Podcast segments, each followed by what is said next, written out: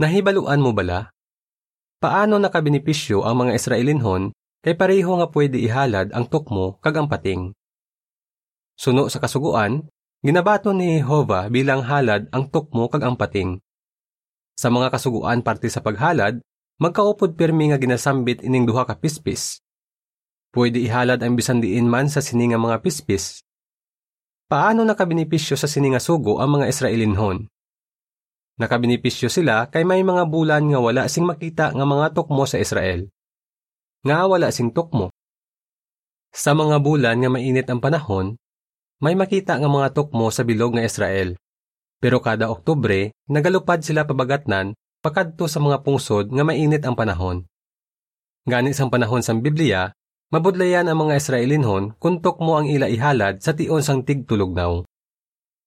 Kung parte naman sa mga pating, wala ini nagasaylo sa iban nga lugar. Gani may makita nga mga pating sa Israel sa bilog nga tuig. Pwede man sa guron ang mga pating.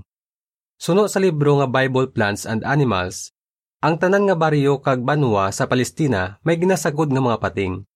Ang kada balay may buho sa dingding nga pwede istaran sang mga pating.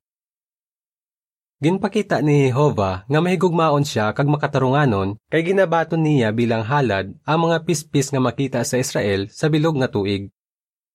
Diri natapos ang artikulo.